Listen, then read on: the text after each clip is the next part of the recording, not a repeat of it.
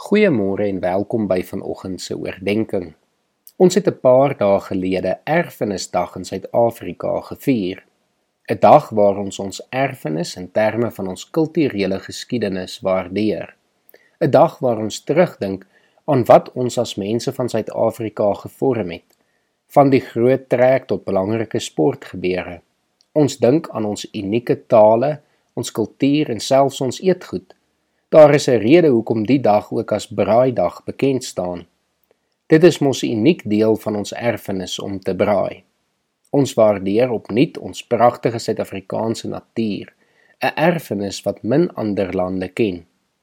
Maar alhoewel al hierdie dinge goed is, is daar vir ons as gelowiges egter baie meer om te vier wanneer ons oor ons erfenis praat. As Christene weet ons Ons geloofserfenis is baie meer werd en meer kosbaar as 'n menslike erfenis. Ons erfenis as gelowiges het vir ons 'n nuwe identiteit gegee. Ons het deur ons geloof erfgename geword.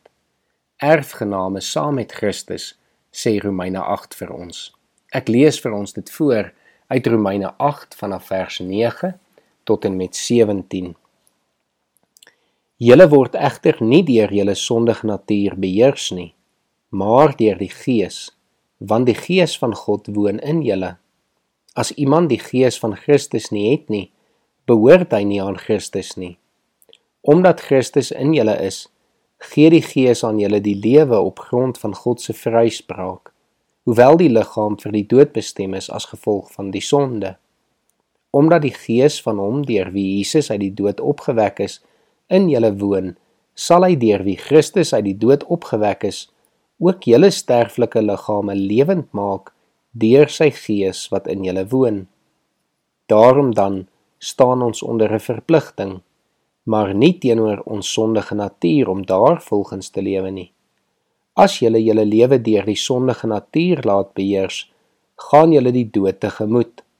Maar as julle deur die Gees 'n einde maak aan julle sondige praktyke, sal julle lewe. Almal wat hulle deur die Gees van God laat lei, is kinders van God. Die Gees wat aan julle gegee is, maak julle nie tot slawe nie en laat julle nie weer in vrees lewe nie. Nee, julle het die Gees ontvang wat julle tot kinders van God maak en wat ons tot God laat roep, Abba. Dit beteken Vader. Hierdie Gees getuig saam met ons gees dat ons kinders van God is. En omdat ons kinders is, is ons ook erfgename. Ons is erfgename van God, erfgename saam met Christus.